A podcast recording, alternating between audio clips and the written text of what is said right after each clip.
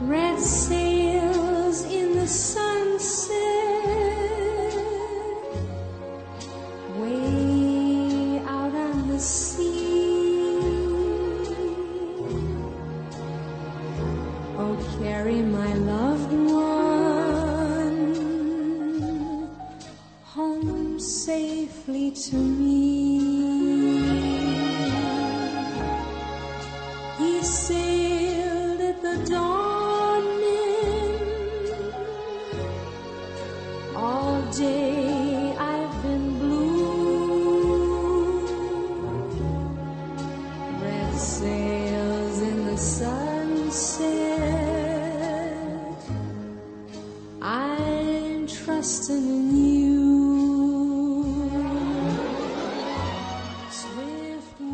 Ein egenleitje som kan røyka tilverina, kanska særliga av eldre åren, er førleitjen at gjera tøyarferer. Jeg opplevde hetta noen dagen, da jeg kom gangande en tur gjennom ta gamle havnena. Mer var hitjande til vinstro, og jeg bar eia vi en i hus som hadde en særlig heitan heldur dim gulan lid. Og brattlega var det flotter atter i 50 årene, Jeg myntest smerina, ki ostina tja diasonton, ur enn huson i krokabrekkene kom en bojen gomul kona, og her får Jakob a legangande kvikur og rankur om han i torsjehuset. Hesa fyrir verda en gulolitur som fekk hoan a reika, Ein annan dag er det kanskje et blæ som fyker i vindunnen, eller en kvarskvetja som pustrar i orsdagærenom. Men nu vi dvølja vi 50 årene, kvi ikkje gang en tur tjakken havnena, stekka av utanfor okkurt hus, og vita om okkurt minne kjemur undan og hoan. Jeg legger fire oppi under væra, her måste mun eppa og mever henne Erik, ytla Eirikur som vi røpte han, hava byggt stor hus, og her vi platta gista tar vi kom til havnar er ferast. Eirikur underviser i føreskon og danskon og av studentaskolan men han er med vår vi fjellbrøtt om gavon, han hever klaver, han spiller violin, han bytjer violiner, han er fotografer, og han tekur film opp. Husene er et eventyr. Her er bøker og blomor. Her viser velt over kaktusar som er eventyrkjent og elegant, boa og formar, og ein og enda vetsi i stovene hanga fyra staurer målningar. Er Beethoven, Bach, Mozart og Couperin, som suttjas fra sujene et leitja bant imot i einon, ikkje atle lukka bluskorsteir. Ebba Moster er banko, kreativ og stuttlig. Vi ganga turar ut i Havnadel, heva medpakka vi og svimja i ånden. Eirikur evnar violiner til og byr og leggja øyra at i åliten av ljåføren og sia om klankeren er tan ratte. Og i heson huson er taunleikur alfa og omega.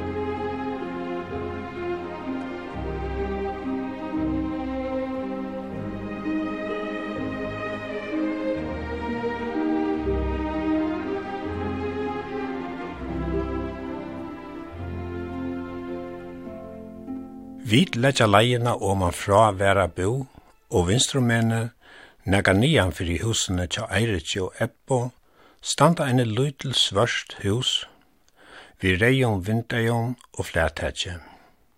Ja, lytel er det, men her man vera rumsått, tog her byggva Johannes Vardom, konan og tara seks siner, heien er den eldste og tønnestan yngste, men sættne koma flere træt Utanfyr i husene er det gjerastikje, her ofta mong bøten tispa saman, og her dulia veru spalt. Stundun er speli uis og buldra litt, men såleis vær øyda spel toa, eisne suri i skikve.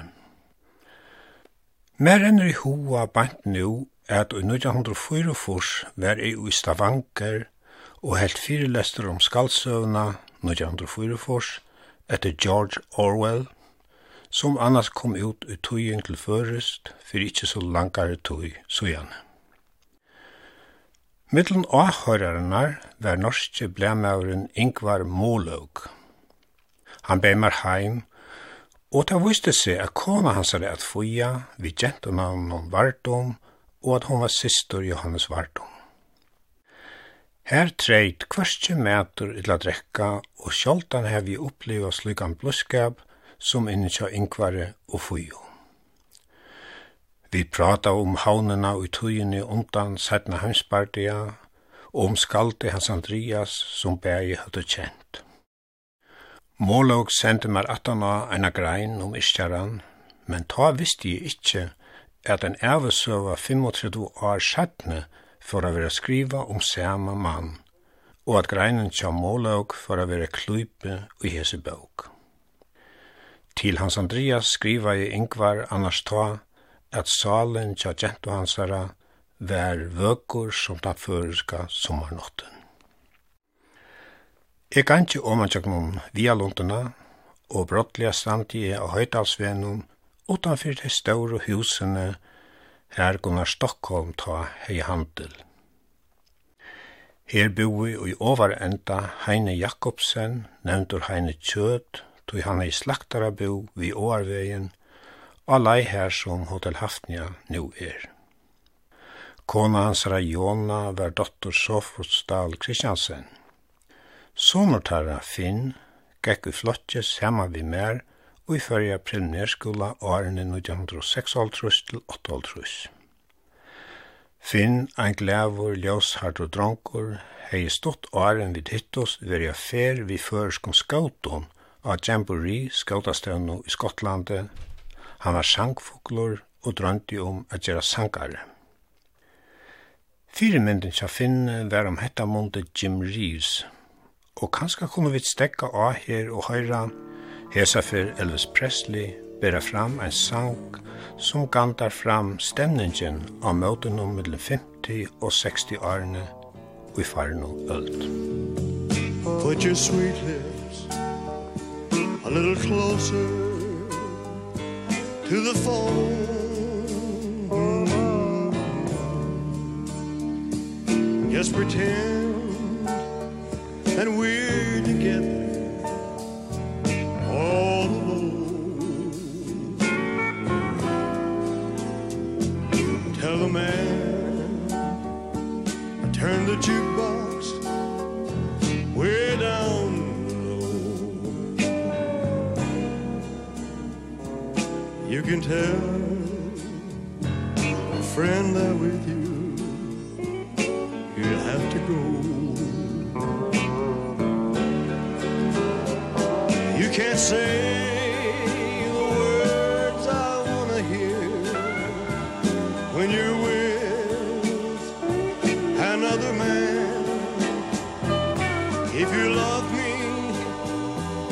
answer yes or så nå Darling, I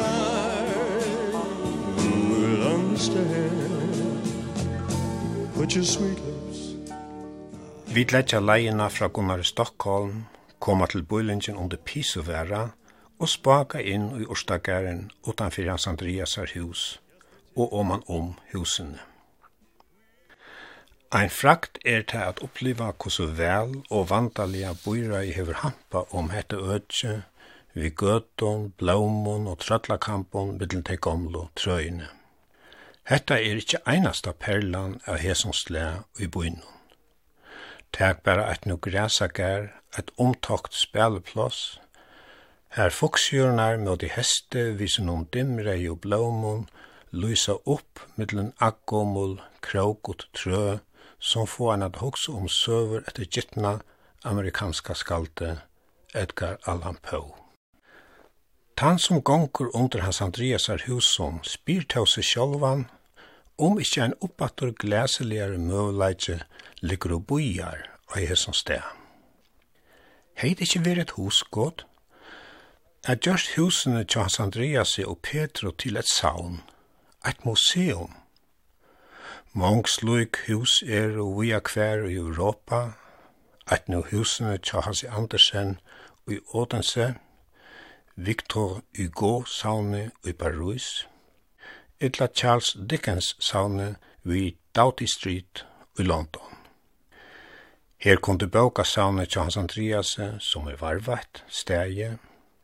Her kom jeg se sæ utgaver av hans bøkken, hans rattar, brøv, målningar og mynter. Her kom til et rom ved innratta her gesteren ved at og en knapp, kom til hårst søvor og eventyr lysen opp, og hørt sanger som Kristina fyrir handan av ytla ischtingar. Som nu tog jeg telt og tøkni er, er angen endi av hva kunne være gjørst og gjerne slik om savnet. Det hei veri en oasa av mentan og en sjálfsama vøkron sted og hei lokka til sånn skolaflokkar, badnagarar og fyrra folk. Og fyrir høvestegin hei et slukt museum veri et prøye at treat tui nekva bojuren annars hever av visa fram. og brekko, vi kvitare smekko, vatnar eina tyrann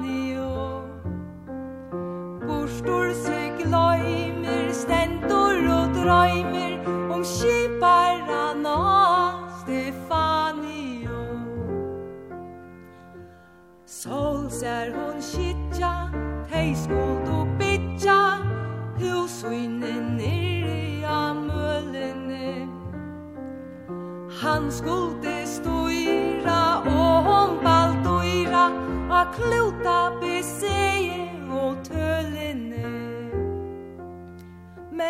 tvungter at bera Det han kunde gjera, Nu sitter han fastor i Spanio. Han åtti og mykje Og så heva tar tidje Vei han og te vørtro Stefanio Brita og brekko Vi kvitare smekko Grætor nivri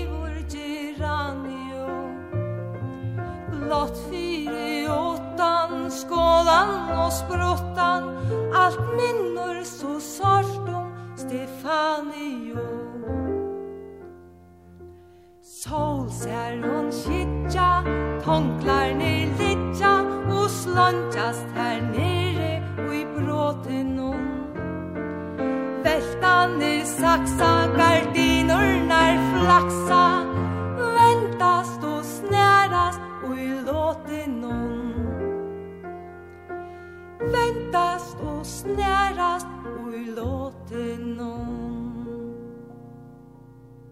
Komin om han om hans Andreasar hus, kveiti er til høgre og suttje bergsøyna av sjånlakarhusen. Og huksar ein vissa sjálvon, hesen stånor er ikkje berre et hus, men eit univers.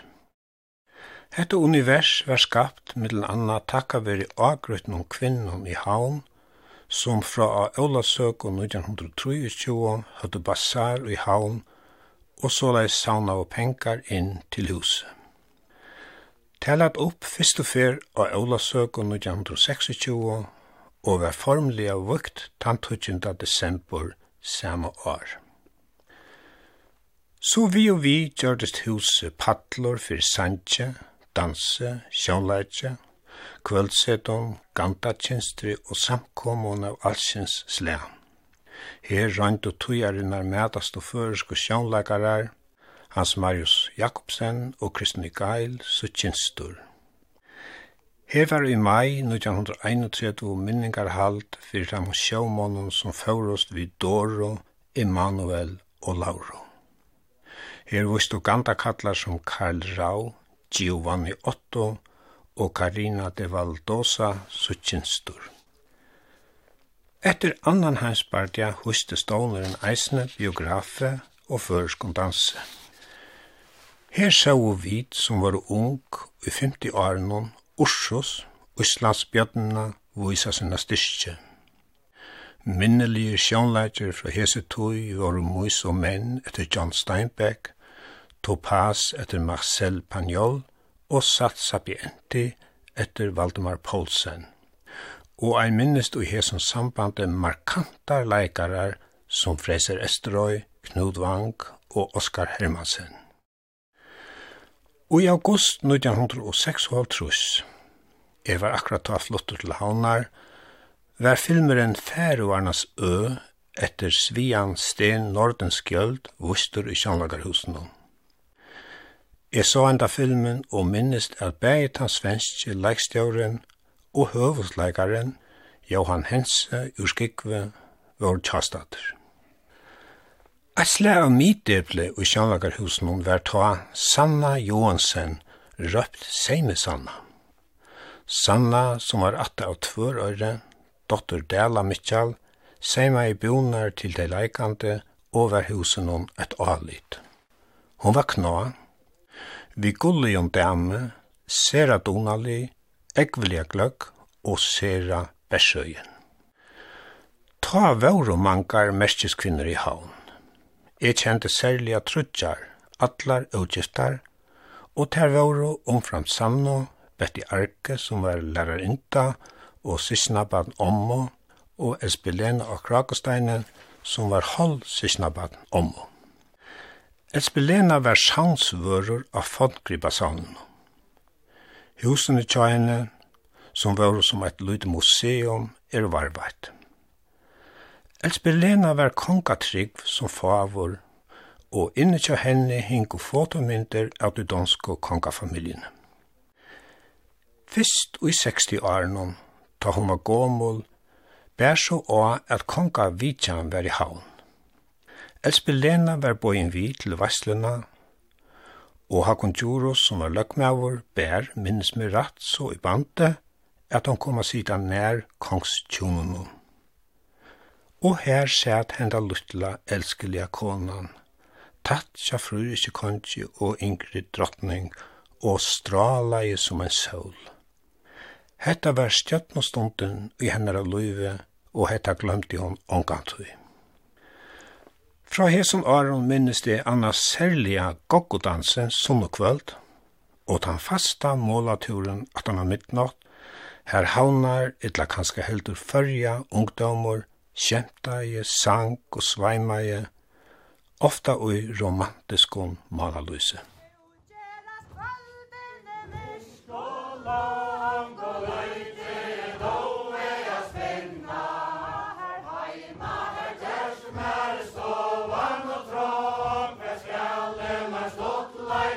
Amen.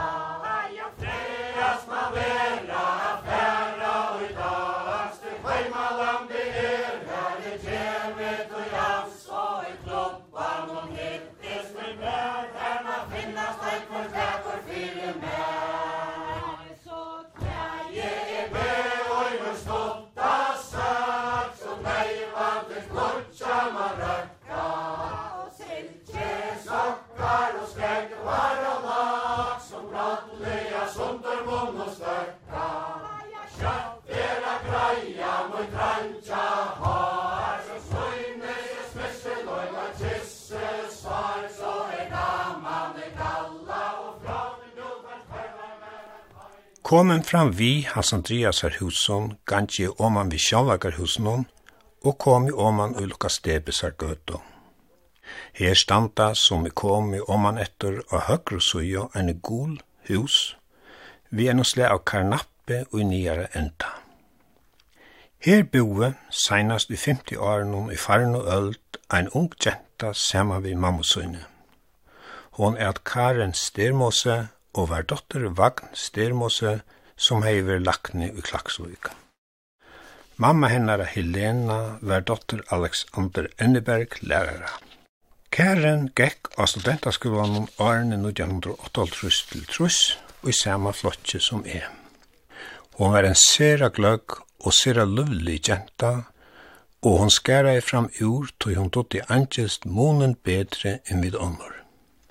Og i flotjennom var annars trutja jenter ur Klaksvøk, omframt kærena, Anna Thomsen og Elin Susanna Jakobsen, som var strand, atlar loika donaligar. Ta i vita hasomre 1903, at du finnje hikvina og høtte, var vi boin inn og til imiske heimene tja nærmengonon, og mittel anna eisne inn til kærina. Hon åtte platespillere, og sitandi i karnappen hon hørte vid henta deg en sang som svepte en særliga festliga glæm om okkar glede nu tvei stræven skola ar, var løgt atter hon bæk.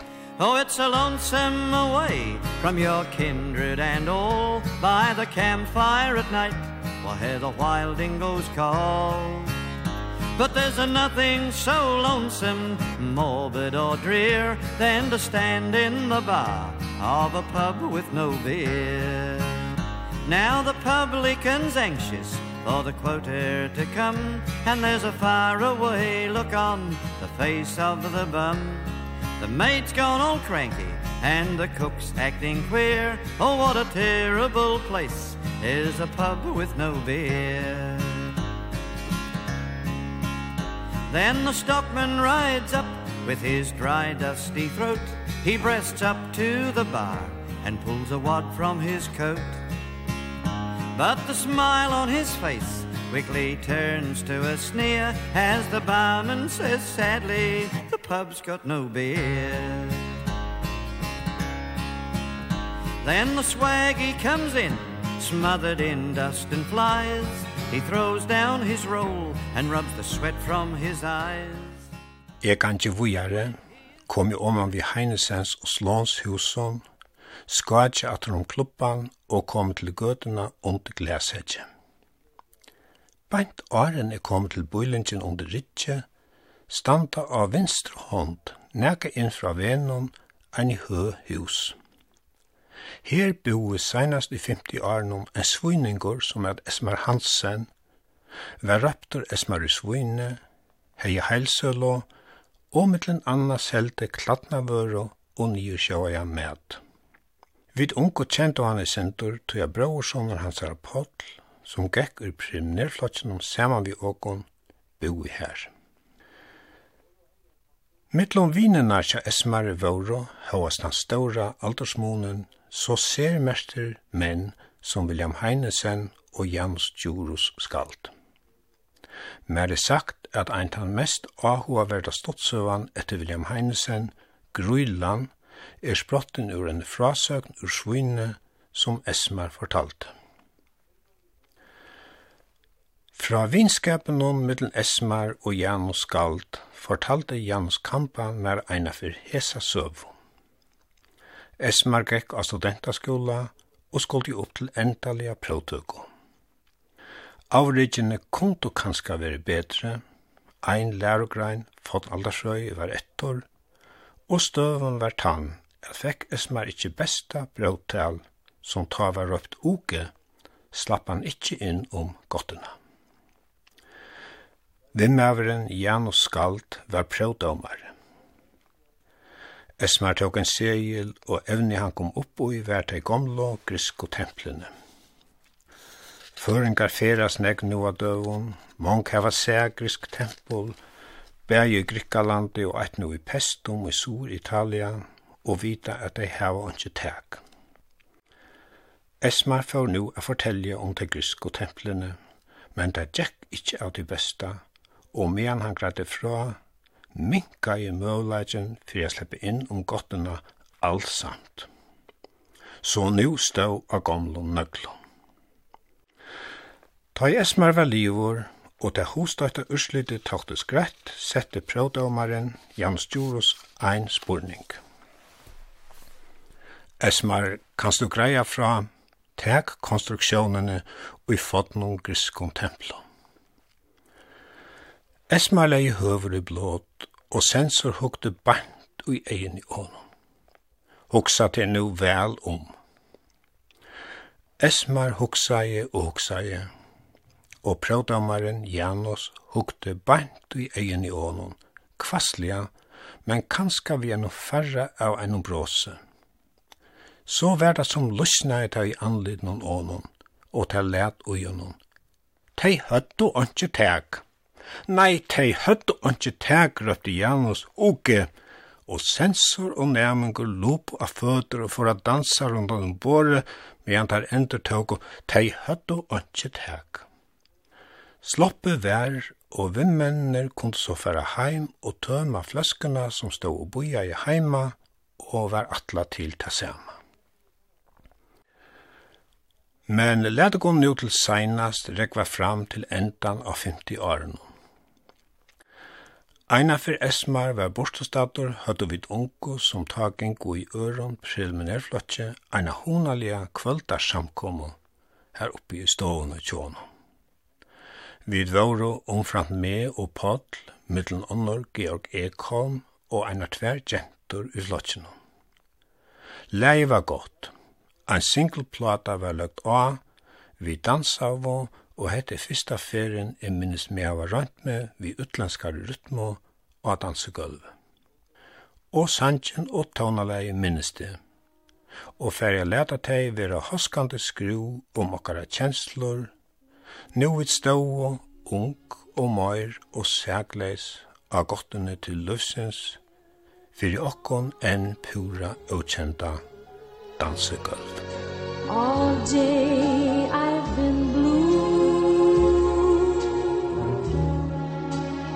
sails in the sunset. I'm trusting in you.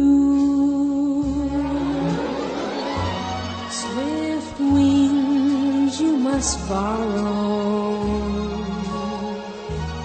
Make straight for the shore.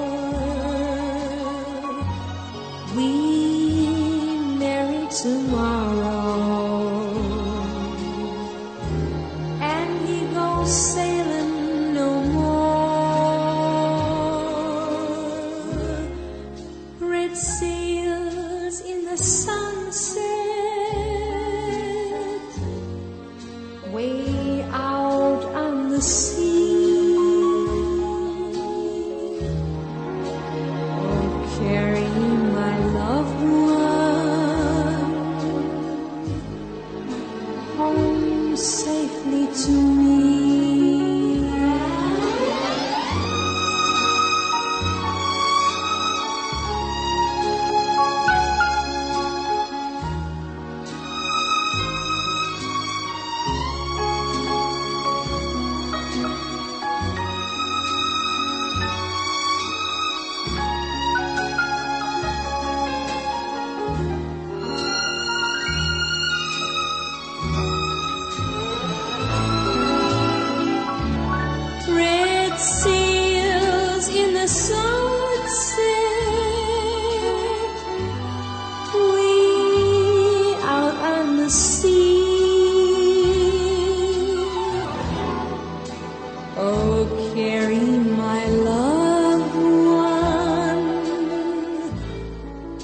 home safely to me